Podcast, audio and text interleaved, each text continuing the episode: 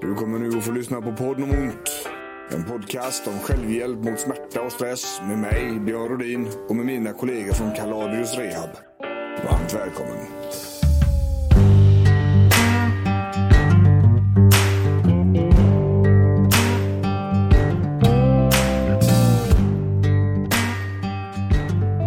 Ja, visst. Podden om ont. Tillbaks. Igen. With a vengeance. Så. Tar aldrig slut. Nej, vi ska göra så här att vi eh, ska ta ett eh, annat grepp idag. På någonting som är eh, lite annorlunda. Och som det är väldigt få som pratar om. Vi ska prata om anhöriga. Till, ja, till någon med långtidssmärta. Och även med de som har långtidssmärta och som har anhöriga. Precis. Som inte har ont. Två perspektiv liksom. Precis. Eh, och faktiskt ska vi då ta ett tredje perspektiv. Vi ska även prata om hur det är att ha ont och ha barn. Samtidigt. Men inte det fjärde perspektivet att ha barn som har ont. Nej, För att hålla tungan rätt i mun. japp. Och då så. Och, och dagens avsnitt, om vi ska börja med sån disclaimer, kommer ju vara eh, våra erfarenheter utav detta. Vi kommer ha med en del psykologi. Vi kommer att, att rekommendera en del av våra tidigare avsnitt. Både för de som är anhöriga och de som har smärta så att säga. Och ja, det här är komplexa grejer. Det här är riktigt svårt. Ja, smärta är ju komplext från början. Har Ja. vi konstaterat i x antal tidigare avsnitt. Eh, och då har vi bara en person att jobba med. Så Ja. att säga. Precis. Med Nu- allt vad det innebär. Ett liv och ett jobb och, Och, och, vi, så ja, precis, och vi snackar ju om den biopsykosociala modellen. Va? Nu kommer vi i princip vara inne på den sociala och psykologiska hela avsnittet. Jag tycker det ska bli asgött alltså. Det är skönt. För att grejen är den, när vi skrev boken om ont, som, är, som kommer ut i höst, så gjorde vi lite research för att se vad det finns för typ av stöd för någon som lever som anhörig till någon med verk. Och det finns ingenting. I stort sett noll. Helt tomt Ja. nästan. Eh, Det finns möjligtvis enskilda insatser på enskilda kliniker som vi inte har blivit briefade om. Men när vi gör research, och då gör vi den ordentligt, så finns det ingenting. Det finns för MS, det finns för Alzheimer, det finns för cancer, det finns för massor av de här tunga, jobbiga sjukdomarna. Som ofta blir anhörigsjukdom också. Men det finns ingenting för den som bara, situationstecken, har ont då. Det här, vi pratar om diffusa ländryggsproblem som aldrig går över, huvudvärk som inte har någon orsak eh, enligt röntgen och så vidare. Och så vidare. Finns ingenting. Eh, Svenska kyrkan har mer stöd för den typen av grupp än vad sjukvården har. Det här har vi ju sett och det här har vi jobbat med väldigt länge. Vi har även haft utbildningar för, för anhöriga där vi har utbildat dem i hur, hur vi tänker och vad vi gör och så vidare. Då. Vi har ofta en del kommunikation med, med anhöriga till våra klienter. Och där vi hjälps åt. Liksom. När vi kollar på siffror från Statistiska centralbyrån så har vi frågat på åldrarna 25 till 54 år. Eh, Och just den specifika åldersgruppen det gjorde vi för att det är, det är den åldersgruppen som följer oss på Facebook. Framförallt. Det visar sig att 55 procent av alla de här människorna har verk. Det är 2,2 miljoner. Mer än hälften. Mer än hälften. Och utav de här 55 procenten så bor 56 procent med familj. Eh, och familj enligt SCB innebär maka, make, sambo eller barn, minst ett barn under 18 år. Det är de def- definitionen på familj då. Det innebär att det finns rätt mycket mer människor. 1,2 miljoner till. Och då kan vi då säga att plus minus så är det 3,4 miljoner människor i Sverige idag som är drabbade av värk och smärta, indirekt eller direkt. Eh, ska också lägga en brasklapp på det här med familjeprocenten där. Eh, statistiken är inte så detaljerad att man kan avgöra exakt hur familjesituationerna ser ut på den frågeställningen vi har ställt. Det innebär att ett hushåll där det är två som har ont, där är de varandras anhöriga så att säga. Och det finns också hushåll som har fyra anhöriga och så vidare. Och så vidare. Det är grov uppskattning. Men En- ja. det är ändå... En grov uppskattning och någon form av fingervisning i alla fall. Men, men mer detaljerat än så eh, finns inte. Är det, är det bara utifrån smärta som det är kollat? Vi kollade på det ja. Ja. För jag tänker när det är samsjuklighet måste det finnas ännu mer. Ja. Alltså folk som har Ja, ja. eh, psyk och Ja, smärta. precis. Ja, och vi, har, vi har även ställt frågan eh, psykisk ohälsa, fast den siffran den här den är kopplad bara till själva verken då, så att säga. Och det här 55 procent, det är ju en ögonblicksbild. De, I frågeformuläret så frågar eh, centralbyrån, har du verk? Ja. Och så ska man svara ja eller nej. Och sen så följdfrågan, om du svarat ja, eh, skulle du säga att den verken är svår? Ja eller nej? Så det är så det, så det funkar. Då. Det, det, och det här är också ett kapitel vi har med i boken då. Och det var på ditt initiativ. ja. Ja, Jag är skyldig. Vi måste ha med det. eh, och, och, och där någonstans när vi började skriva det så insåg vi att fan det finns ju ingenting. Nej. Så vi tänkte försöka bidra med det idag. Eh, och vissa saker till det vi ska prata om idag, det är hårt. Det är saker man kanske inte har hört innan. Det gör inget. Vi tror att vi behöver så lite fröer och väcka lite klockor så att säga. För att vi vill att alla ska må bra. Även relationen. Även barnen. Även alla runt omkring de som har ont. Och återigen, vi, vi, vi spelar in de här avsnitten baserat på mycket av vår erfarenhet och vi märker att för att få effekt hos våra klienter så behöver vi jobba bredare. Liksom yttre cirklar också. Så är det. Familjen och sådär. Så, så där är det va. Och, och då har vi valt att dela upp det här avsnittet i tre delar. Eh, vi ska prata då för den personen som har verk, som lever med verk och som då som har anhörig som kanske inte har ont. Vi ska prata om de som lever tillsammans med någon som har verk. Som är anhöriga så att säga. Och vi ska också dra barnperspektivet. Ur bägges perspektiv så att säga. Både ur den som är drabbad av smärta och den som inte är drabbad av smärta.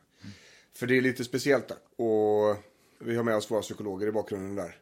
Ehm, eh, vilket vi då har satt upp när vi har familjerehabilitering hos oss. Där jag vi, blev lite förvånad första gången jag hörde det. Jaha, ja, det trodde jag inte. Att Nej. det är så man ska tänka. och, och vi, vi vet om att det är väldigt många som inte har hört det där. Eh, och det är rätt många som behöver höra det där. Men, vi tar det i rätt ordning tänker jag. Ska vi börja med de som har ont, Anders? Det gör vi. Då har jag ont.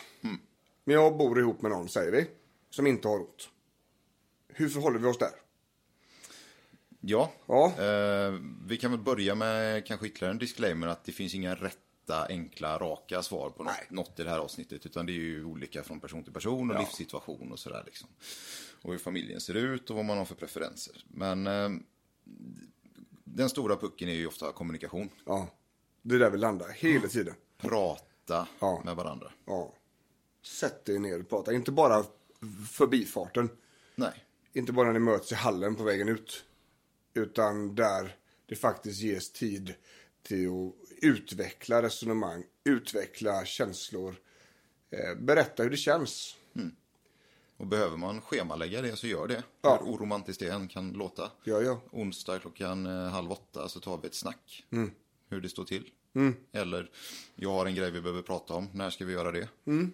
Inte bara ta det i bilen på väg till jobbet eller vad det kan vara. Utan, Alltså. För, för att du som har ont då, som lyssnar. Din partner är inte du. Han kan inte läsa tankarna.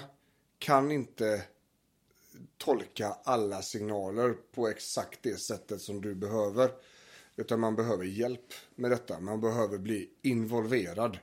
Man behöver vara med på banan. Eh, Man behöver ha, även de som inte är drabbade av smärta, behöver ha känslan av sammanhang. Kassam pratar vi om när det gäller smärtlindring och rehab och sånt där.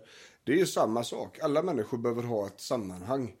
Och, och det, det är väldigt, det är en lite stökig situation att, att leva där. Och ska vi säga det också att jag har ju egen personlig erfarenhet utav detta. Både eh, smärtbild och psykisk ohälsa eh, leva in på det. Vilket innebär att jag har även anhörigperspektivet. Måns, du sitter ju här nu i egenskap av både procent och, och har jävla ont.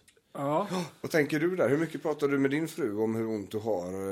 Nu har det gått så länge i och för sig så att hon jag skiter i dig. ju prata så lite som möjligt om hur mycket ont jag har faktiskt. Men, men vi har pratat och vi har haft eller, och har en, en tydlig struktur i hur vi ska handskas med det. För annars det funkar inte. Nej. Då tar det överhanden bara. Ja, Eh, på ett eller annat sätt. det är så. Ja. Ja. Eh, Kan du, kan du ge några tips om just strukturen? Vad är det som har funkat för er? Ja, vi har ju en dag i månaden det får vara för jävligt. Ja. Eh, Så, så kan man liksom grotta ner sig i hur jävla illa det är och hur eh, tragiskt allting är och hur vilken sorg det är att inte kunna göra saker och hur mycket det ställer till det i livet. ja. Får man välja den dagen själv? Man Eller väl- kommer den bara? Alltså man behöver inte välja den dagen för den kommer, Ja, Okej. kan jag säga. Men man kan välja den. Om, det, om man har en dag som passar bättre så kan man ju välja. Men har ni delat upp hushållet så att säga?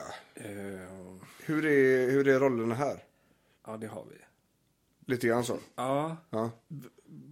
Nu har du bara en fungerande arm så att... Så jag har ju svårt till exempel att ställa in i överskåpen. Men, men eh, ja, vi har delat upp det. Ja. F- För jag tror att det är mycket, alltså det blir ju väldigt praktiskt också. Känslor och en sån sak och, och hur ont jag har och vilken sorg jag har, jag kan göra vissa saker. Det har ju sin plats i detta. Ja. Medans det praktiska som faktiskt ligger i vägen för ett fungerande livet och fungerande hushållet. Det går ju mer att strukturera. Oh ja, det går ju stru- alltså, jag- tar exemplet då, vi håller på att tapetsera om i ett rum. Och det kan ju inte jag göra. Nej. Hur mycket jag än vill så är ju det i princip omöjligt. Ja, Så det får ju min fru göra. ja, Eh, Och det, och det är ju inte någon diskussion om det. Alltså det faller ganska naturligt vad man delar på och vad man gör. Jag gör det som, som funkar utifrån hur mitt handikapp eller så ser ut. Och jag tror det är väldigt viktigt. Vi pratar ju om eh, två saker. Vi pratar ju om friktion i vardagen som tar mycket energi. Om man varje dag behöver diskutera vem som ska göra vad så blir det onödigt mycket energi. Då är det bättre att ha ett system. Och så pratar vi om begriplighet och obegriplighet. Och det är väldigt stressande för oss som människor. Om, om din partner eh, ständigt behöver gå och gissa hur du mår. Och då är det inte bara hur ont har du. Utan hur, hur, hur går tankarna, hur går känslorna?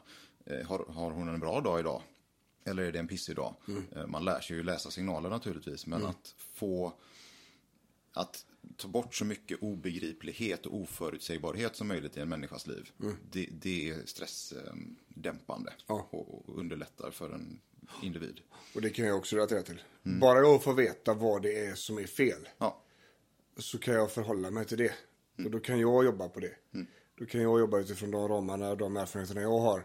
Men om jag inte vet så kommer osäkerheten ligga före den pipen. Och då måste jag ta reda på vad det är som är. Men det, det, jag har ju aldrig hört det inom sjukvården på de här nio åren som jag har gått med min smärta. Att någon har sagt till mig, det är nog ganska bra om du förklarar för din partner vad den ska göra. Eller om den, att den kan göra saker. Och, och det är just det. Kan göra saker. Ja. Alltså hon kan inte ta bort din smärta. Absolut inte. Det kan hon inte. Men hon kan, hon kan skapa förutsättningar på sitt sätt. Ja. Så att du- får vad du behöver Ja. för att kunna leva så bra som det går. Men om du inte förklarar vad du behöver, Så är det omöjligt. eller hur? Ja. Det var ju det här med tankeläsning då. Ja. Det är inte så många som har den Nej. förmågan. Ni som har det kan ju, ni kan ju snabbspola förbi det här avsnittet då. Ja, det kan ju vara skit i detta. Ja. men det är så. Eh, Och det, är väldigt viktigt att, och involvera, bidra Ja. med detta. Och, och det är ju så här. Vi har väldigt många situationer där det, vi har ju mycket tjejer hos oss. Va? Och, och då är det mannen hemma som hänger i luften. I vissa fall så är mannen asshole. Där man gör inte minsta möjliga. Utan eh, frun får kötta i alla fall fast hon har ont och det har sin problematik. I vissa fall så har vi tagit ner eh, partnern till oss och läxat upp dem. Det har faktiskt hänt. Men det, det största besvär, och det här märker vi också när vi har anhörigutbildningarna. Största problemet som, som partnern har, det är att jag kan inte göra något. Vanmakten av att inte kunna påverka situationen överskrider allt annat. Men o- om de här parterna hade fått någonting att göra. Det kan vara att hålla, liksom, hålla upp eh, håret när hon borstar tänderna, vad fan som helst. Så är de en del i det. De bidrar. Och då har vi, vissa situationer har vi så här där vi hör att men det här, han gör massa konstiga grejer. För han vet inte och hon tycker att han är skitjobbig för att han, hon vill bara vara i fred liksom. Men vad har du förklarat för honom? Vad, vad, vad det är du behöver ha? Nej. Nej, hur fan ska han veta då? Om han ska se det? Nej, nej, nej. vännen, det kommer han inte göra. Han kommer jobba livet ur sig för att du ska må bra. Det är vad han gör. Eh, förklara för honom. Liksom. Ge honom en hittepå kalanka uppgift Gör du det här så kommer jag ha det lite lättare. Då kommer han få fokusera på det. Om det inte finns några reella saker man Ja, kan... absolut. Men om, om, vi, om vi kop- kopplar direkt till smärtan. Ja. men klappa mig på den här punkten. Det känns skönt. Ja. Ja, ja, det kanske bara var på men han fick någonting att göra. Eh, och han fick någonting att vara med på. Och det är väldigt mycket viktigare än vad man tror. För precis som Anders säger där, sammanhanget, eh, osäkerheten. Det här med att man inte kan göra någonting, det är mycket, mycket svårare.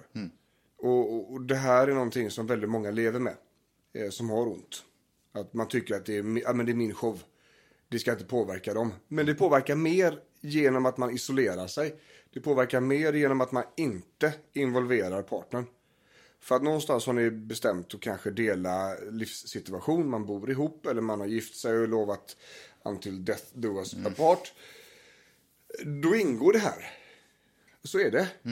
Eh, och, man får göra det bästa som går av den situationen. Och, och, och därmed också kommer vi till nästa steg då.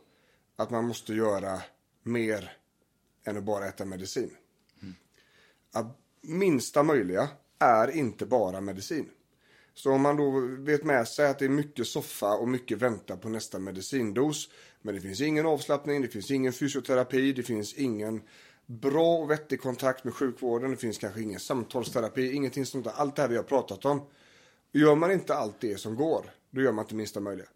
Och då tycker jag i alla fall att man har inte tagit sitt fulla ansvar som partner i den relationen när man har ont.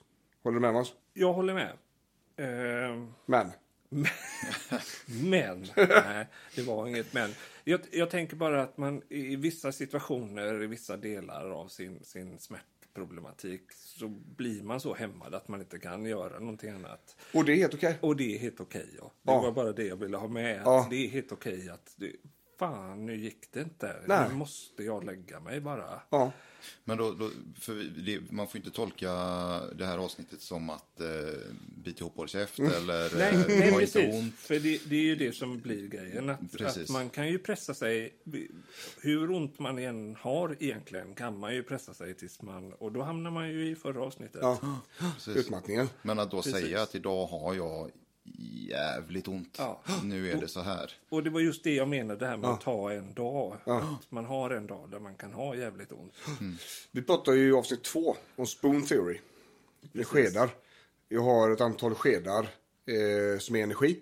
Jag har bara så här många. Jag kan få tillbaka när jag vilar. Eh, men jag har ändå min låda med skedar. Ja. Om jag, för så använder jag hemma också. Och det gör Jenny, min sambo med. Jag har jävligt dåligt med skedar. Bra, då vet jag. Perfekt. Jag behöver inte undra varför hon är tyst. Jag behöver inte undra varför hon ligger i sängen och vilar. Nej, men hon har kanske huvudvärk som alla vi får ibland och så vidare. Hon kanske är jättetrött, det var mycket på jobbet och så vidare. Men då vet jag det. Då kan jag göra som i hockey och backa hem. Och det är lugnt.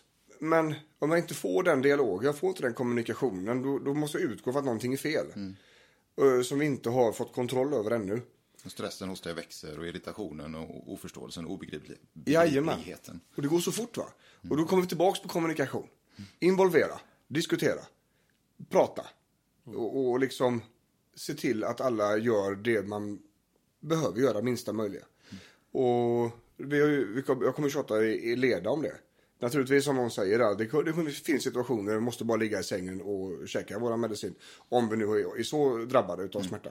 Men det finns också väldigt många situationer där ute som bara käkar medicin. Som inte gör det minsta möjliga. Och det är de vi vill få ur soffan.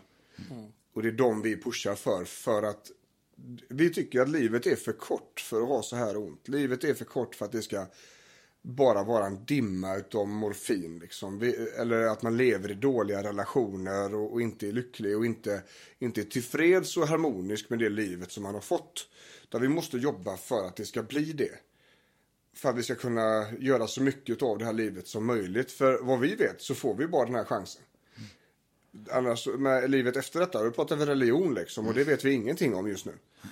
Vi kan ha tro, vi kan ha uppfattningar, men just nu så är det det här vi har fått. Då måste vi någonstans göra det mesta vi kan utav det. Och då tycker jag att då ska man fan inte gå runt och ha onödigt mycket ont. Sen händer skit i livet. Ja. Man ramlar ner från en stege för nio år sedan. Det var ju inte du som önskade det. Eh, absolut inte. Och, och det är där, när vi pratar om, om eh, saker vi måste ha med oss inför färdighetsträning utav psykologi. Vi pratar KBT och ACT och så vidare. När vi ska bygga mentala färdigheter. Då pratar vi om att eh, vi måste utgå från att alla vill bli bra. I grund och botten så vill alla bli bättre. Det är därför man kommer och vill ha hjälp liksom. Men vi måste också förstå att det var inte jag som satte mig i den här situationen. Men det är jag som måste lösa den. Och det här är någonting vi har med oss även då när vi pratar om människor som varit utsatta för övergrepp, eh, olyckor och så vidare.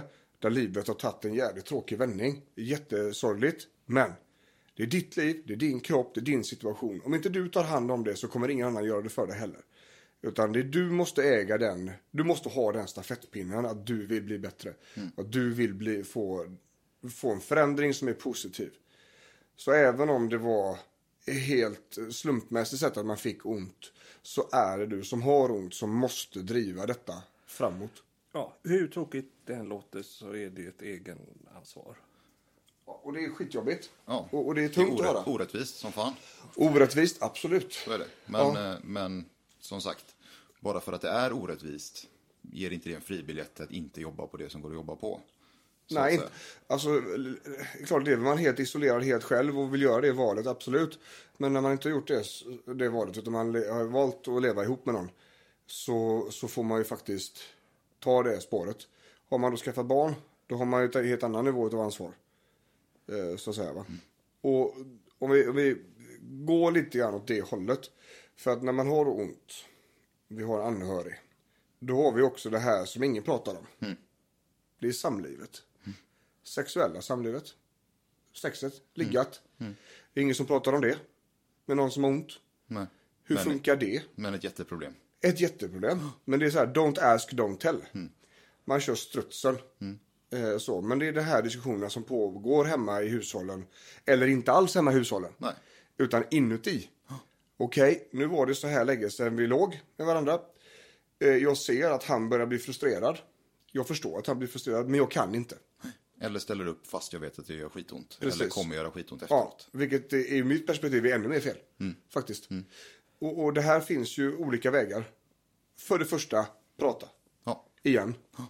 Sedan så finns det ju organisationer som faktiskt jobbar med detta. RFSU är en sån grej. Väldigt bra stor ideell organisation som har eh, mycket kunskap och kompetens gällande sexuella problem vid olika handikapp, olika tillstånd, olika sjukdomar och så vidare. De har ju rådgivningsverksamhet som jag tycker är skitbra. Eh, och vi har sådana diskussioner hos oss på Kaladius också. Då, inte i detalj vad som funkar inte funkar och, och hur man ska vara och inte vara. Men mer att. Att Så. vi måste erkänna att det är en stor puck i många människors liv. Ja. Och att det är en källa till frustration, irritation, skam, skuld Ja. och så vidare. Och så vidare. Precis. Eh, och det här är ju någonting som ingen pratar om. Och det är läskigt som fan. Eh, och, och vi vill gärna lyfta upp det. Och, och förklara att, att ni är många som har det så här. Ni är inte ensamma. På något vis. Utan eh, det, det är många som funderar på de här sakerna. Eh, och för att hitta någon form av lösning på detta så måste ni börja prata med varandra. Vad behöver jag? Vad behöver du? Vad kan du göra? Vad kan jag göra? Hur kan vi få det här till att funka? Funkar det inte så funkar det inte. Nej, men då får man ju ta diskussionen där. Är det så att man har kört fast, då, då, då finns ju liksom, det finns instanser som är kostnadsfria. RFSU är en sån grej. Som vi gärna slår ett, ett bra slag för. Då pratar vi om den sociala cirkeln i den biopsykosociala modellen. Där kommer det att rasa liksom. Det kommer att vara, det kommer att bli så stora inverkningar i livet att det blir ett problem. Och när vi jobbar med klienter så kollar vi inte bara på skadan eller på smärtan eller på sådär, utan vi har ju helheten. Och det här, alltså ett dåligt fungerande sexualliv är en jättestress för många människor. Eh, Och, och kan, kan ofta bli större än vad den behöver vara, säger jag lite raljant, när man inte pratar om det. Ja. För att man går och oroar sig för hur den andra tänker. Ja. Eh, och tvärtom. Ja. Den som i det här fallet då inte har ont, utan eh, bor med den som har ont, tänker på samma sätt. Precis, och, och, och det, det finns ju vägar fram. Så är det ju. Det gäller bara att vara dels lite kreativ och dels eh, kommunikativ med sin partner. Och prata med varandra. Våga ta i det. Ja, det är liksom det som det handlar om. Och om vi då pratar, vi gått ifrån sexuallivet och då, då kan vi glida in lite grann på det här eh, så, som kan bli utav sexuallivet så att säga. Så, Snygg övergång. med barnet. Ja. Ehm, och nu är vi inne på du som har ont. Och då ska vi också glida över på det vi kallar för pacing. Lite utav lösningen i, i eventuella problem för anhöriga. Pacing, Anders. Ja, Det är ju det här. Eh, när vi pratar om anhöriga. Vi, pratar, vi har pratat om smärtlindring tidigare i podden. ja. Eh, vi rekommenderar ju att alla ni som lyssnar på det här även får med er första avsnittet om smärta och smärtlindring, så förklaringsmodell. Och även stressen, så vi vet vad som är vad. Så vi har den basen. Och i de här så pratar vi också om något som heter pacing. Som är energidisponering. disponering. Exakt. Ja. Eh, och, och vi anser ju då att, att det finns olika prioriteringar. Och vi vet att det finns olika prioriteringar i människors liv. Om man har barn och har ont så bör de ju vara precis efter dig själv. Och, och det säger vi inte bara ur en någon sorts sådär socialmoralisk åsikt, utan för att vi vet att man eh, generellt tycker att barnen kommer först. Ja. Det är inte vi som tycker det, utan den som har ont är orolig för sina barn. Ja, så är det. Och, och vi kommer in på en helt eget segment om kidsen om en liten stund. Eh, jag tänker att vi ska dröja oss kvar lite grann vid de som har ont. Att man har ett ansvar att disponera sin energi. Om man har en omgivning som man lever med, då är man också ansvarig för att fungera i den på så bra sätt som det går.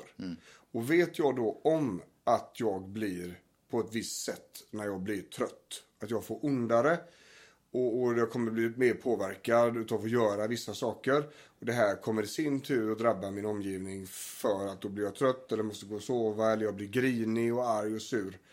Då, då har man har ju någon form av ansvar där. Och även då ta sin plats, ta sin energi. Det handlar inte om att man ska ge bort allting man har innan utan det handlar om att du ska hushålla med energin du har så att du kan vara med i så stor utsträckning som det går. Eh, Baserat på det du vill göra och det familjen eh, har bestämt att men det, här är, det här är trevligt. Liksom. Och med ansvar menar vi inte att man eh, nödvändigtvis ska bli smärtfri. Nej. Utan vi menar bara att man ska göra och prioritera det man behöver. Ja. För att göra den överjävliga situationen så lite överjävlig som det går. För just dig. Ja, gå från en heljävlig dag till en halvjävlig dag. Liksom. Ja, Ja. det är ändå bättre än att vara kvar nere på botten. Så är det.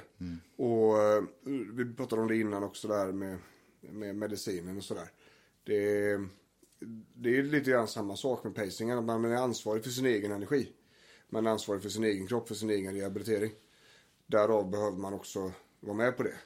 Eh, Att, eh, att det finns olika prioriteringar. Att man får vara överens liksom, med vad som ska funka. För vi, vi känner så här, när vi pratar med människor som har ont, som har barn. Så den största sorgen som de har är att de inte kan göra allt de vill med barnen. Och det är också någonting som vi vet äter upp folk inifrån. Att det inte går. Då måste man ju göra sitt bästa för att det ska finnas energi. Då måste vi ha stoppat energitjuvarna och vi måste ha eh, avslappnat av och vi måste ha gjort vår rehabilitering så bra som den går. Och, och gjort vårt bästa för att energin ska räcka en liten stund till dem också. Och det här är nog det vi trycker mest på. För att vi märker av hur stor stress det här blir. Eh, speciellt hos, hos mammor då. Jag kan inte leka med barnen, jag kan inte hjälpa barnen med läxorna, jag kan inte... Eh, som jag tycker att jag borde vara. Eh, som mamma då. Så blir det ett problem. Och därför vill vi flagga för det att liksom, det här är någonstans ni ska prioritera. Ja, vi pratar ju om att första ner smärtan, sen få kontroll på stressen. Och när det här är en uppenbart stor stressor för folk, så prioritera det. Ja. Framför andra saker. Ja. Inga namn nämnda. Men Nej, nej, nej. eh, Nej, så är det ju. det kommer högt upp. Ja, det, det är så. Och jag tänker så här, vi, vi ska gå härifrån nu. Ifrån du som har ont då, va? Om det är segmentet nu. Till barnen. Hur, för barn är väldigt annorlunda, nämligen, när det gäller smärta. Och, och som anhörig, då pratar vi inte om barn som har smärta. Nej, det är viktigt. Utan vi pratar om barn som har föräldrar som har ont. Ska vi gå den vägen, Anders? Det tycker jag. Det tycker jag.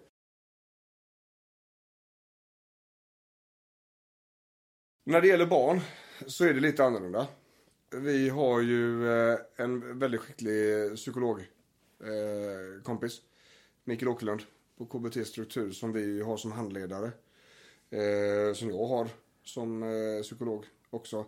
Eh, Micke har jobbat väldigt länge på BUP. Eh, och vi satt med Micke eh, inför att vi började med vår anhörigutbildning. För nu visste vi att nu kommer det barn som har ont. Det är inte våran sak. Vi, eh, vi behandlar inte barn som har ont utan det ska sjukvården göra. Eh, vi har lite åldersgräns och sådär. För att vi kravställer så mycket på våra klienter så att vi kan inte göra det genom tredje part. Vi kan inte kravställa eh, mamman på att barnet ska äta. Så. Men vi har ändå vissa grejer som vi var tvungna att få koll på hur det gäller och sådär. Va? Och, och, och då har vi väldigt mycket grejer som vi får med oss. Som vi ändå kan sätta i perspektiv till barn som inte har ont. Mm. Och första punkten där är att eh, de vuxna är rollmodeller. De, sättet som en vuxen löser problemet på är sättet som barnet så småningom kommer lösa problemet på. Vi pratar om olika copingstrategier.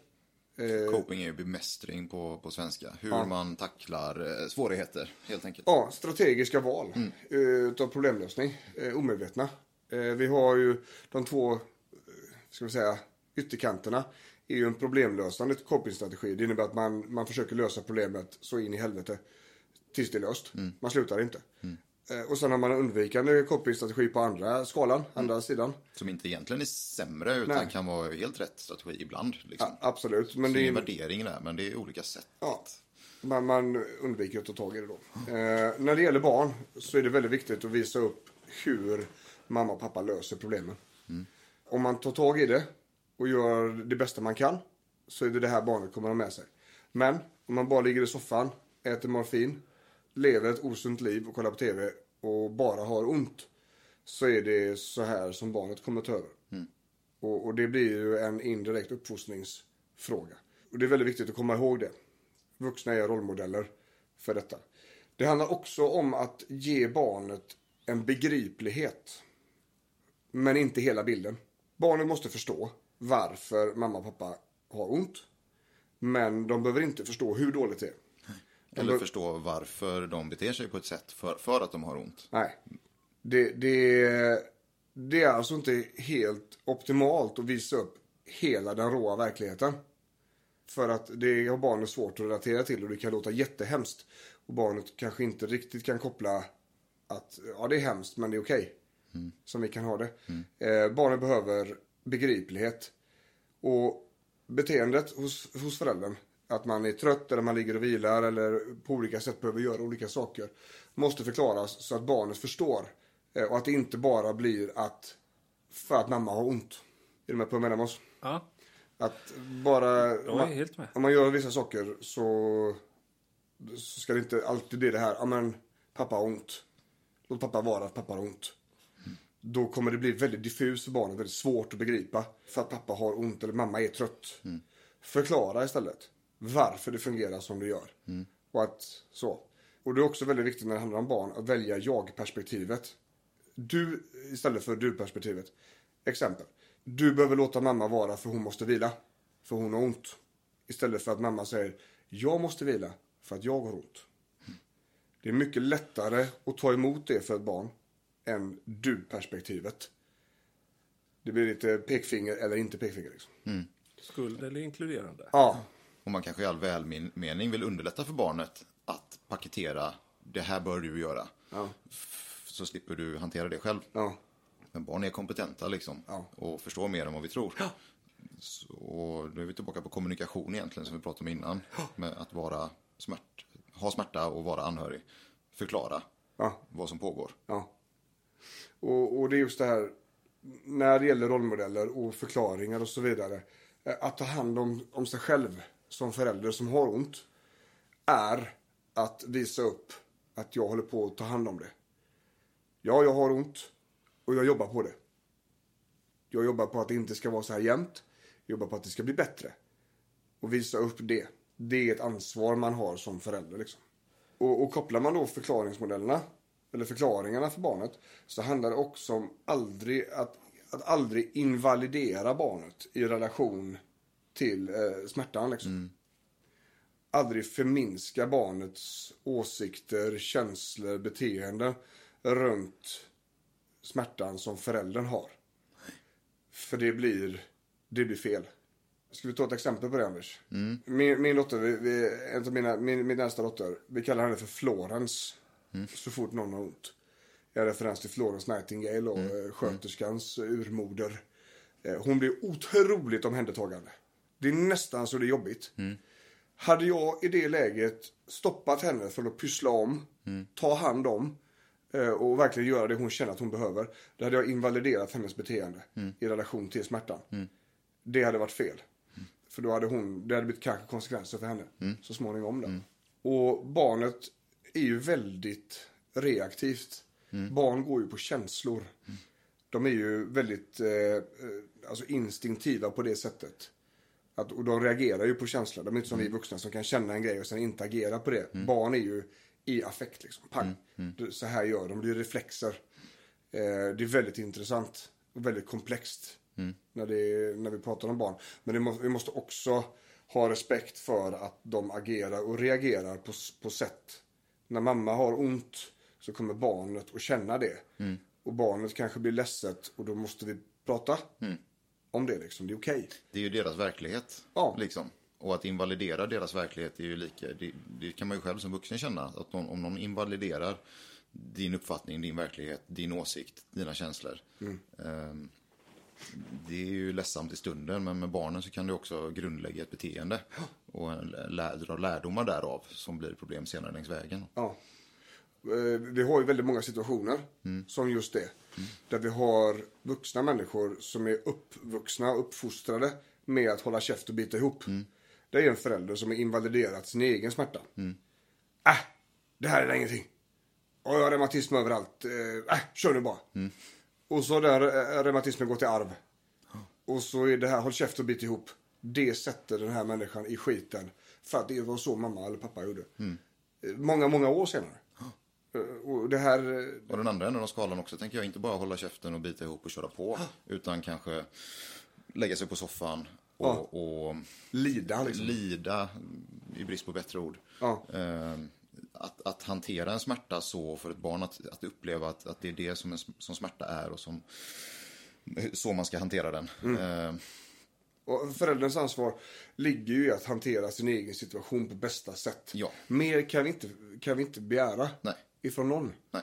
Så. Och vi kan inte begära att smärtan ska försvinna, det är inte det vi pratar om, utan att ta ansvar för Ja. sin situation, vad det nu än kan Ja, innebära. Och, och när det gäller förklaringen, då är det också väldigt viktigt att man inte generaliserar smärtan.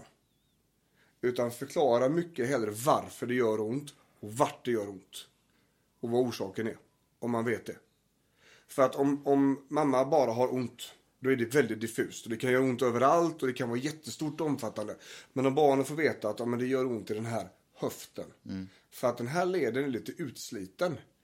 Därför kan jag inte gå idag, för vi gick för mycket igår. Så jag måste ligga här nu och vila min höft. Men om, imorgon är det säkert bättre.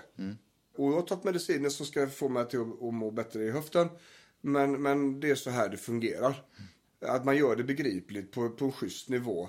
Utan att förklara hela bilden hur jävligt det är och att mamma kanske måste operera sin höft för artros. Utan, För det skulle ju bara öka på stressen. oh ja. Oh ja, och då hade det blivit ännu jobbigare för barnet va. Så att aldrig generalisera smärtan.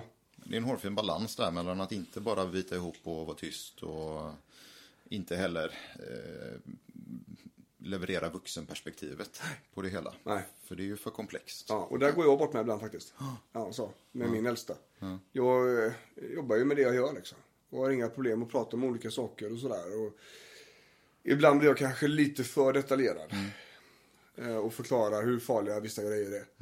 Och så hör hon talas om det. Det är ju min, min äldsta dotter då. Som är väldigt känslomänniska och så här. Eh, Och kan spinna iväg på det där. Men jag tänker så här att det är lite också utifrån barn till barn. Ja, gud ja. För, för jag har ju ett barn som är extremt intresserad av min axel. Som har varit med när axeln har varit helt öppen, som man har sett skelettet. Ja. Och suttit och varit så fascinerad. Och, Ja. Och liksom eh, pratat om det här och, och sådär. Och, och tycker inte att det är äckligt och har ingenting. Men jag har ett annat barn som det är det värsta han kan tänka sig. ja Och så är det ju, då kommer vi tillbaka till den här disclaimern, liksom, att det finns inga rätta, Nej. raka svar. Det är ju så breda penseldrag det kan bli i det här avsnittet. Men budskapet är ju någonstans ändå att, att eh, man behöver reflektera över det här. Ja, och, och man som vuxen har ansvaret, tänker jag. Ja, precis. Eh, och så är det ju. Och de här, eh, de här punkterna vi har dragit nu just under barndelen här. Det är ju rekommendation från oss. Eh, I hur vi jobbar med våra klienter. I hur man ska prata med barnen och hur man ska involvera dem, hur man inte ska involvera dem. Och så vidare och så vidare. Va? Så vi måste komma ihåg att vi som vuxna är rollmodeller. Sättet vi, barn gör ju inte som vi säger, de gör som vi gör. Precis som att om vi ska få barn till att äta bra så kan vi inte sitta och äta snabbmat medan vi förväntar oss att barnen ska käka broccoli. Men om mamma och pappa äter nyttigt så kommer barnet att haka på det också. Nu får du alla småbarnsföräldrar emot dig. Ja, ja men så är, det, är, det är så. Men även jag skickar upp liksom snabbmat. Ja. Eh, så, för ibland så, så övergår eh, behovet utav mat övergår relationen. Ja. Och grejen är att det är inte säkert att det syns precis i just den lunchsituationen. Men tio luncher senare så har man grundlagt en beteende, ett beteende, en kultur, en attityd kring ja, mat i det här exemplet. Ja. Då, som eh, bär, barnen bär med sig. Ja, precis. Och man kan ta exempel om, om allting kretsar runt mediciner. Då kommer barnen förstå att allting kretsar runt mediciner. Men om man lär, man visar barnet att men nu ska mamma eller pappa slappna av här. Då ligger jag här och lyssnar på detta. Eh, och då ska jag göra den här övningen för att när min hjärna eh, blir eh, stressad och får, får bråttom så får jag ondare. Så nu måste jag hjälpa huvudet att få komma ner här. Och då gör jag så här. Så ge mig nu tio minuter så kommer jag ut och så känns det bättre sen. Kan du låta mamma vara här en stund nu så, så, är, det, så är det schysst liksom. Om man visar upp de grejerna. Det, det blir ju ett annat perspektiv där liksom. Visa upp hur man jobbar istället för, för att hela tiden prata om mediciner, tider, sådana här saker. Det, det, beror helt, det blir ju en indirekt uppfostringsfråga. Vad är det vi vill låta våra barn ärva i, i beteende så att säga. Eh, och det är samma sak om vi ska få barn till att röra på sig. Om mamma och pappa sitter stilla i soffan så kommer barnet inte bli speciellt suget på att gå ut och leka och springa och sådär. Men om man går ut själva som vuxna liksom och hänger med eller jag ska åka träna, ska du med? Nej, ja, okej, jag åker i alla fall. Bom, stängde dörren. Men rätt som det så följer hon med. Och så var hon med. Och så blev hon trött och så fick hon känna att det var roligt och så vidare. Så att det handlar ju om att visa upp det beteende som man vill att barnen ska ärva av oss på något vis. Va? Det handlar också om när det gäller barnen att- att förklara. Men inte allt. Det, det, de tjänar ingenting på att eh, få hela den grisiga bilden. Utan förklara vad det är som gör ont, när det gör ont och ungefär hur det gör ont. Och, och varför. Så, så känner vi att det räcker för väldigt många. Det handlar om att inte invalidera barnet runt smärta. Få inte nedvärdera barnets känslor eller tankar eller beteende runt att mamma och pappa har ont. Utan, Låt dem ha sin egen. ja, precis. Låt dem vara människan. Ja. På det sättet som de behöver vara människan. Så kommer allting att bli jättebra. Det handlar också om aldrig 100% validera eller invalidera sin egen smärta. Det här med att, men bita ihop håll käft, kör på nu bara. Ja men det hänger med långt, långt, långt in i vuxenlivet. Och det kan bli problem. Precis på samma sätt som att man bara ger upp för smärtan och bara tar den. Och, och ligger och gör minsta möjliga. Det är ju precis motsatt då. Och när vi förklarar så ska vi aldrig generalisera eller bagatellisera. Ska aldrig förminska smärtan. Utan berätta om den. Specifikt hellre. Så tänker vi runt barn. Eh, vi tror att några utav er som lyssnar fick lite andra infallsvinklar här nu. Vi upplever att det här är någonting som kanske borde ha berättats tidigare i väldigt många människors liv. Eh, för det här är ju, vi hade aldrig hört talas om det här förrän vi blev exponerade för det. Och har man, vet man inte och går och funderar och oroar sig så blir det en jättestress. Ja, Så, så bara att få någon sorts kanske rättesnöre eller mall att eh, förhålla sig till kan ju hjälpa i sammanhanget. och, och det här har jag tagit hem också till mig. Jag har ju artros i mitt vänsterknä. Eh, och har jätteont i perioder. Eh, speciellt om jag gjort dumma saker. Och eh, kanske måste ligga med benet högt och jag kanske måste äta mediciner och så vidare. Och, och har ju liksom, äh, det går över. Så jag liksom lärde mig de här sakerna så har jag ju ändrat den approachen. Förklarat. Ja, är dina knämediciner pappa? Ja, de här två gör det här. Den här gör det här och den här gör det här. Det här kommer göra att det känns bättre. Men jag kan också, jag måste också träna. För om man inte gör det så gör det jätteont. För träning är min bästa medicin. Så ska du följa med och träna. Ja, visst. Så där är, där är barnen. Jag tänker att vi, när vi går till nästa steg nu. Så ska vi snacka om de som då inte har ont. Också en mycket, mycket intressant diskussion. För det är ju de här som ingen pratar med då. Precis. Så vi ska snacka om de som är anhöriga till någon med långtidssmärta. Och du som är anhörig då. Nu kommer det lite sådana tunga punkter. Så, och, och Kanske, för vissa. ja, definitivt så. Och nu pratar vi med de som är anhöriga till någon som har ont. Men det här kommer även att vara vettigt att höra för dig som har ont då va. Och då tänker vi så här att även, även den äh, smärtfria anhöriga måste prata. Ja, kommunikation. Ja. Tillbaka. Ja. Ingen information är onödig. Nej. Känner vi. Och det här går åt bägge håll. Ingen information är onödig. För att det är så här. Vi kan inte gissa oss fram till information. Utan jag måste, jag som anhörig måste få valet att sålla bland den informationen som kommer. Om jag tycker att den var meningslös så är det bara skit, ja, så gör ingenting med den informationen då. Men det kan också vara så att den var väldigt viktig i ett sammanhang. I ett sammanhang som den andra individen inte känner till. Det var kanske min saknade pusselbit i ett resonemang som jag gått och haft i mitt huvud väldigt länge. Och som kan leda till nästa diskussion. Så att ingen information är för dålig eller för onödig liksom.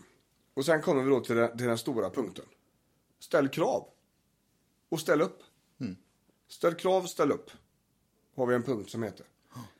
Och det här, är, det här kan ju bli en reality check 2.0 hos vissa människor.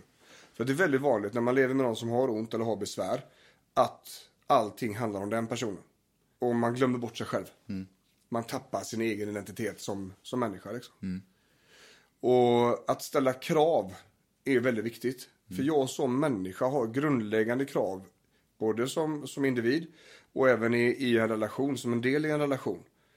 Och om de inte uppfylls så måste vi kommunicera om detta. Och man ska inte ta vad som helst. Nej, med, med långtidssmärta är det ju väldigt, väldigt vanligt med eh, sorg, ilska, irritation, kanske framförallt när man har en pissig dag då. Att det, man tar ut det på allt och alla. Och de som är närmst är ju de som är närmst. Ja. Och det är klart att man får bryta ihop och komma igen. Ja. Det är inte det som är poängen. Nej. Att bita ihop och hålla käft. Det har vi sagt flera gånger nu. Men du som anhörig ska och får inte tolerera precis vad som helst i, i smärtans förtecken heller. Nej.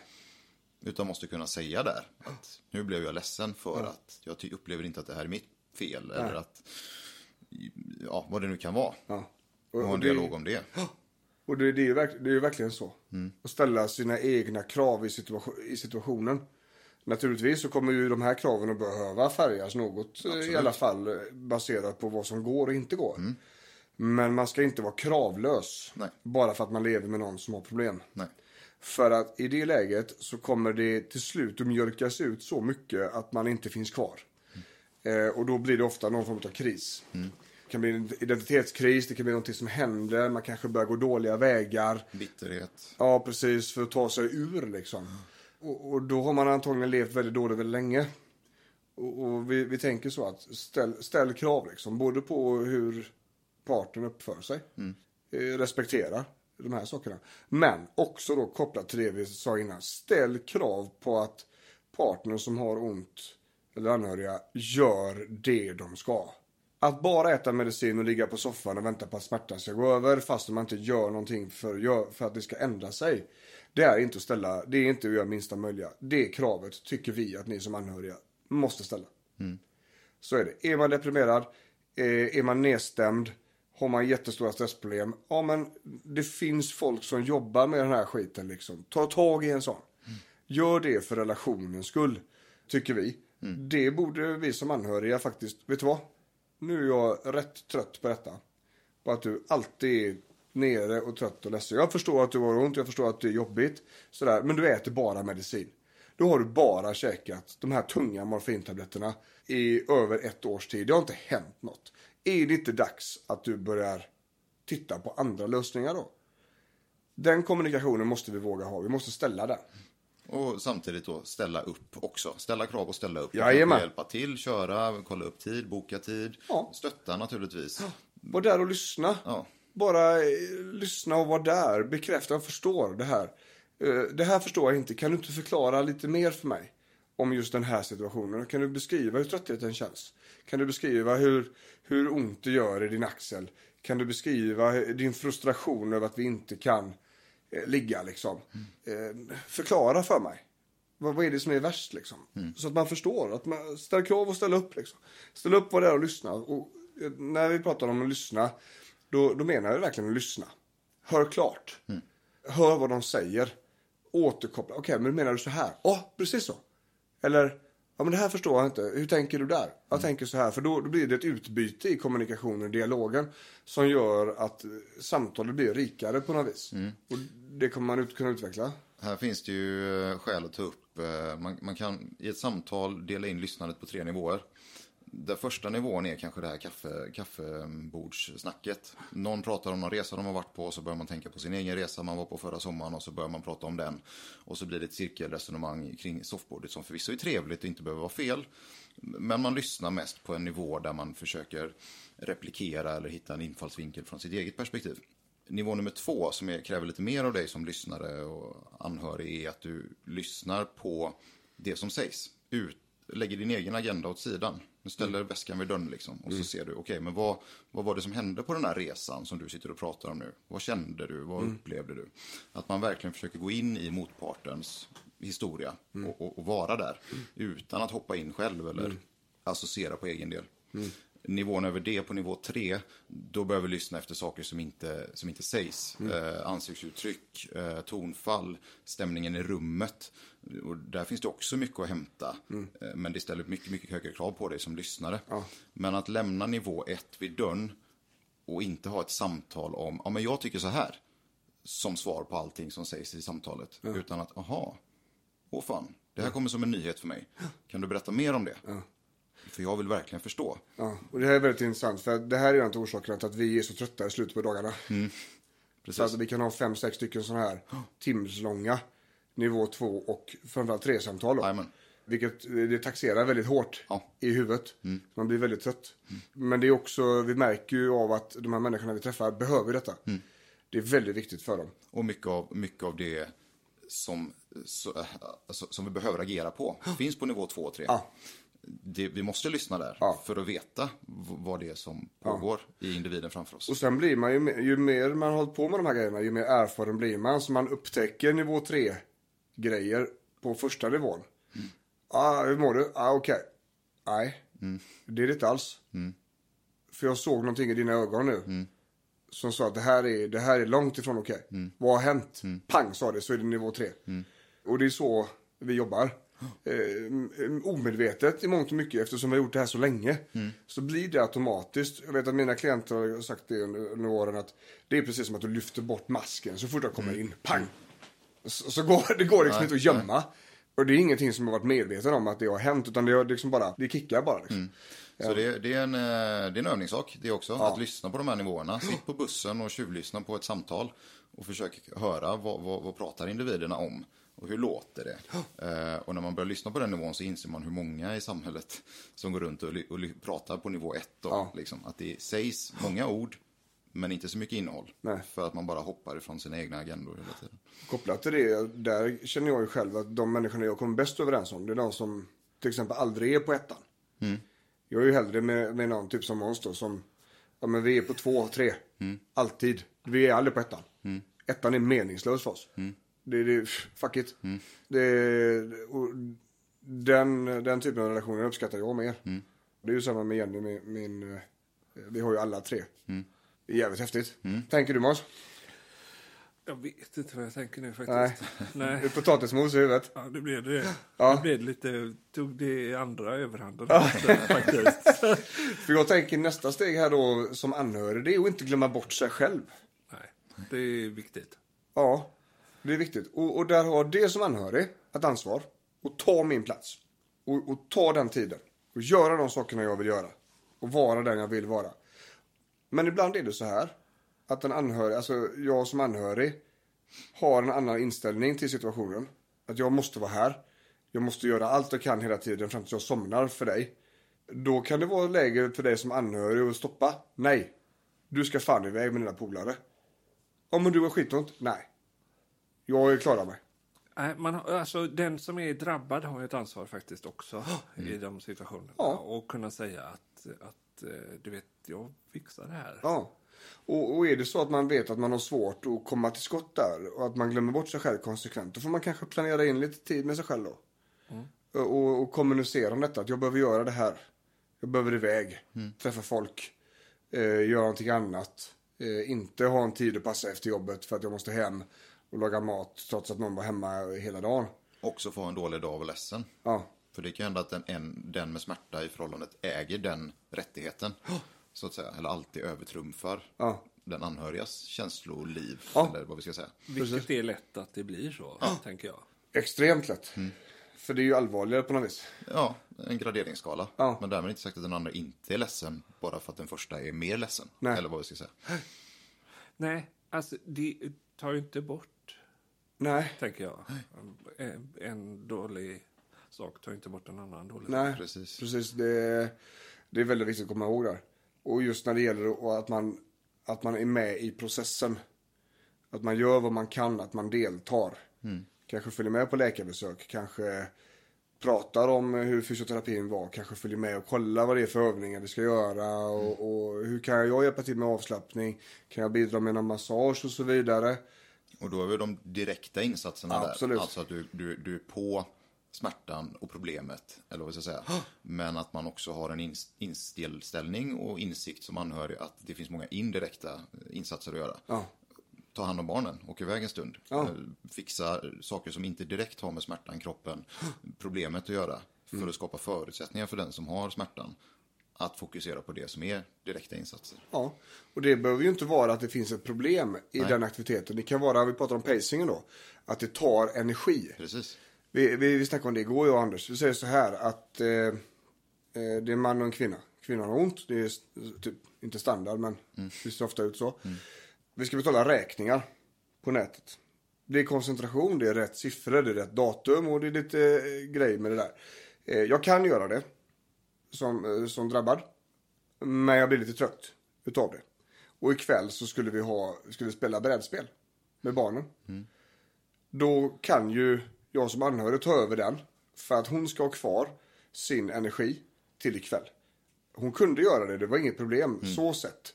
Men för att skapa energi, för att frigöra energin till pacingen så kan jag avlasta. Det är en annan nivå till diskussion och, och den har vi inte hört någon annanstans. Nej. Än den, när vi har den hos oss så att säga. Det här indirekta insatserna. Vad kan jag göra för att bidra? Ja men gör du det här så kan jag vila. Så kan vi göra det här ikväll. Perfekt. Lysande. Jag gör det här för att vi ska kunna mysa ikväll. Ja, gör det då. Tar jag barnen och så får du sova en stund och så ser vi om det funkar ikväll. Liksom. Men det är också så här att vi får inte vara too close to home. Vi är alltså inte varandras behandlare. Nej. Väldigt viktigt att tänka på nu. Vi ska bekräfta, vi ska stötta, vi ska vara där. Men vi är inte vårdgivare för våra anhöriga. Det är inte vi som ska fixa problemet. Det är inte vi som ska mecka mediciner, det är inte vi som ska behandla om det är massage och så vidare. Utan det är därför som vi behöver och, ska vi säga, lägga ut det på entreprenad. För att så fort man börjar gå över den tröskeln där man blir, blir, blir mer liksom vårdgivare. Då blir det fel. Väldigt snabbt. Det är väldigt svårt att ligga nära och mysa på kvällen när man har behandlat, pratat om smärta och processer och sånt hela dagen. Man känner att man har ansvar för det. Ja. Liksom. Framförallt det. Ja. Att jag, man har ju ett ansvar i sig själv och i Precis. relationen och sådär. Men när det gäller behandlingarna så ska det ske utav en, en vårdgivare och utav den som är drabbad så att säga. Vilket kanske låter komplext då när vi har sagt att man involverar den anhöriga. Ja, precis. Men man får hitta en balans där. När det inte blir för mycket. Man får hitta någon form av sätt, ett sätt att delta för den anhöriga i rehabiliteringen. Och apropå att ställa krav där då, att ja, men, ha, har vi verkligen gjort vad vi kan nu för, för den här smärtan? Har vi en vårdkontakt? Har, har man inte det så måste man börja där. Ja. Ehm, för att inte hamna i det läget där den anhöriga är den enda som man kan luta sig mot Nej. om man har ont. Eh, Utan man behöver andra att bolla med, andra som kan ta beslut, andra som kan avgöra vad som är bäst i situationen. Ja, precis. Och det, det är klart att det, det blir mycket snack för det kommer bli så. Smärtan, om den nu är stor då, vilket vi får anta i de här situationerna, Där, där vi börjar prata om någon som är anhörig till någon Mm. som har långtidssmärta. Det här är ju inte lite grus i knät. Nej. Vi pratar om nu, det här är ju längre tid där smärtan har börjat äta sig in i livet och skapa begränsningar. Kanske har börjat att skapa en del psykosomatik. Alltså att huvudet har börjat att spöka på olika sätt, sätter sig i kroppen, stress som ökar. Sådana här saker. Det är när, när vi gått till en nivå där smärtan har börjat ta över livet.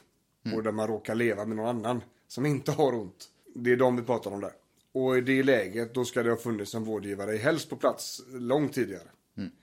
Eh, Men om man inte har det och inte har den funktionen, vilket vi vet är, är situationen på många ställen. Va? Det är därför vi pratar om det, för vi vet att det är en, en väldigt stor verklighet för många. Även om vi bara träffar de som tar tag i det på riktigt, kan investera i oss och, och, och som har sökt mer hjälp.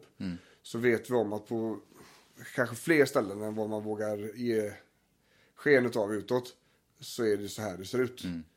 För att vi vet ju att det är så många som har ont. Vi vet också att det är väldigt, väldigt många som har väldigt ont. Och vi vet också att vi har en sjukvård som går på knäna. För att den är resurssvag. Smärtvården är ju tyvärr en av de som är mest utsatta. Och det kan vi ju backa upp med eh, alltså nationella expertrapporter. Att det faktiskt är så. Så det är ingenting som vi drar ur röven bara och, och, och hoppas. Jag tänker på, på att, alltså too close to, to home där, närheten. Att du som anhörig, det känns som ett vanligt fenomen att man inte får gehör för sina goda råd. Ja, Eh, att det landar inte när det kommer ifrån partnern. Vilket naturligtvis kan väcka en väldig frustration. Man vill ju bara väl. Ja. Men har du testat det här? Eh, ska vi göra så här? Men att det inte faller i god jord. Av den anledningen är det också viktigt att ha en utifrån extern mm, kommande aktör som kan säga kanske precis samma sak, göra precis samma bedömning och komma med samma insikt. Men som levererar en, en, en, em, samma sak men som landar på ett mer sanningsenligt sätt för den som har ont. det var ju som Emma sa. Eh, I förra avsnittet. Precis. Att eh, men hennes gubbe sa ju till henne flera gånger. Att du är farligt nära nu. Nej, nej, nej, nej, nej, jag klarar det här. Pang, sa det. Det gick inte. Och det är så. Och det, har vi, det hör vi ofta på Kaladius. Ja, men det här har, fan jag har sett det här flera år. Eller eh, en annan situation. där vissa, vissa av våra följare följer oss väldigt intensivt och kollar väldigt mycket på filmer och sådär. Och kollar ofta när de går och lägger sig. Så många män hör ju min röst i sovrummet. Eh, via filmer. Jag är så jävla trött på din röst. Min kärring har lyssnat på dig hur länge som helst. Så jag är så van vid den här rösten nu så det känns som att jag känner dig. Och när vissa av filmerna så har de lyssnat på då och så har vi sagt samma sak som partnern har sagt. Men det där har jag sagt skitlänge. Ja men han säger så. Ja, det är så. Det är precis som Anders säger. Det måste in en tredje part. Ja. Och där, där får man bara släppa prestigen liksom, Ja. som anhörig. Och Ja. in, inse att okej, men det, det är kanske inte det jag säger. Utan det är att jag är jag. Eller Ja. att jag är för nära. Som gör att det inte landar liksom. Ja, precis. Och där i det läget kanske då pushar mer för att det ska komma in en extern podd. Ja. Fysioterapeuter. Det kan vara så att det behövs en familjerådgivare i de här grejerna också. Eh, en en KBT-terapeut, definitivt. Det finns, alltså om man har någon typ av grej i, som man tänker på som man inte riktigt löser eller som man tycker är jobbigt med, med det mentala. Så finns det psykologer som är väldigt, väldigt skickliga. Både på smärta och på relationer, på familjer och även barn då. I relation till andra saker. Vilket Och- ja. Där kan man väl också komma tillbaka till nivå 1 och 2 och 3 där. Att eh, lyssnar man på nivå 1 så tänker man ju ofta då kanske, ja, okej, men jag hör att hon har ont i knät. När jag hade ont i knät så funkar det här. Ska du inte gå ut och springa en stund eller ska Ja. du inte gå och lägga dig en stund eller vad det kan vara. Ja. Men lyssnar man på nivå 2 och 3 så kan det framkomma att det är inte knät som är problemet. Eller det är inte... Det kan finnas helt andra saker där. Att, att det faktiskt är att man levererar någonting som inte landar på grund av att det, det är fel. Ja. Ehm, så att man har en känselspröten ute där. Ja. Och um, släpper prestigen. Ja, verkligen så. Och jag tänker att vi ska runda av avsnittet. Vi började att prata om att eh, det är väldigt många som har ont i samhället. Och att eh, många av de här som har ont lever i familjesituationer där man har en anhörig på något vis. Eh, det finns väldigt lite stöd för anhöriga till någon med lång, långtidssmärta. Och eh, vi skriver bland annat om detta i boken om ont som kommer i september. Vi började med de som har ont och där pratar vi om kommunikation. Va? Involvering, kommunikation, prata om vad du behöver, prata om vad partnern kan göra för dig, prata om vad du tänker på, berätta hur det känns, berätta allting som, berätta för mycket hellre. Eh, involvera partnern, ge dem uppgifter att bidra med om det behövs. Men det är mycket större, det är mycket svårare för en partner som inte har ont bara bli hängandes. Att inte, ja, men låt mig vara bara, jag kan inte, du kan inte göra någonting åt detta. Låt mig ha ont. Ja, fast det gör man inte. Som partner så, så ingår det ju, så, det finns ju någon form av grundläggande mänsklig mekanism att ta hand om sin partner och sin nära anhöriga. Liksom. Vi pratade därifrån så gick vi in på samlivet. Sex är svårt när man har ont. Det är väldigt jobbigt både för den som har ont och den som inte har ont när det inte funkar. Det är en diskussion som ingen vågar ta, men som vi vet pågår i väldigt många människors huvuden. Måns sa det i en av våra pauser att eh, psykiatrin har börjat att ställa frågor om det nu. Ja, äh, inte exakt nu, men Nej, man har men- hållit på med det ett tag och, Ja. och ställa frågor just eh, för att det är... Nu är det så här att ofta om man har man en psykisk ohälsa så, så är det inte så vanligt att man har eh, familj och sådär egentligen. Eh, det är det första som försvinner. Ja. Partnern orkar inte. Ja. Eh, Men när man har kvar partnern och den är en delaktighet i ens, ens rehabilitering eller ens... Då, då kommer de frågorna väldigt snabbt. Ja. För att man har insett att det är en väldigt viktig del i att- bygga någon form av eh, liksom, hållbart förhållande, tror jag. Ja. Och det är väldigt viktigt. Man måste våga ta den, den fighten. Ja, För det kommer att äta upp er. Vi pratar också om att RFSU har mycket. yes. Det är ett vettigt ställe att vända sig till. Om man har besvär. Det går säkert att göra anonymt. Det utgår jag ifrån. Det tror jag. Och sådär. Eh, och när du pratar om sex samlevnad då, då eh, kan det eventuellt eh, finnas barn med bilden. Då pratar vi om det, vi är rollmodeller som vuxna. Vi pratar om att vi måste göra eh, smärtan och skadan begriplig. Vi vinner ingenting på att veckla ut hela bilden. Utan eh, håll tillbaks lite grann. Eh, det är viktigt att vi är rollmodeller och tar hand om oss själva. Visa upp det beteendet för barnet snarare än tvärtom. Det är viktigt att aldrig invalidera barnet på grund av din smärta. Det innebär att eh, barnet måste få tänka och känna som den vill och att det är okej.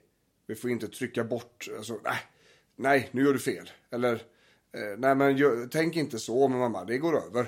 Barn går ju på reflexer, instinkter och, och känslor, de är ju väldigt reaktiva på det sättet. Eh, vi pratar också om att man eh, aldrig ska eh, 100% invalidera sin smärta.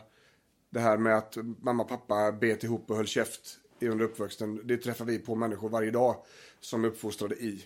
Eh, och det ligger, ligger som en broms för dem idag.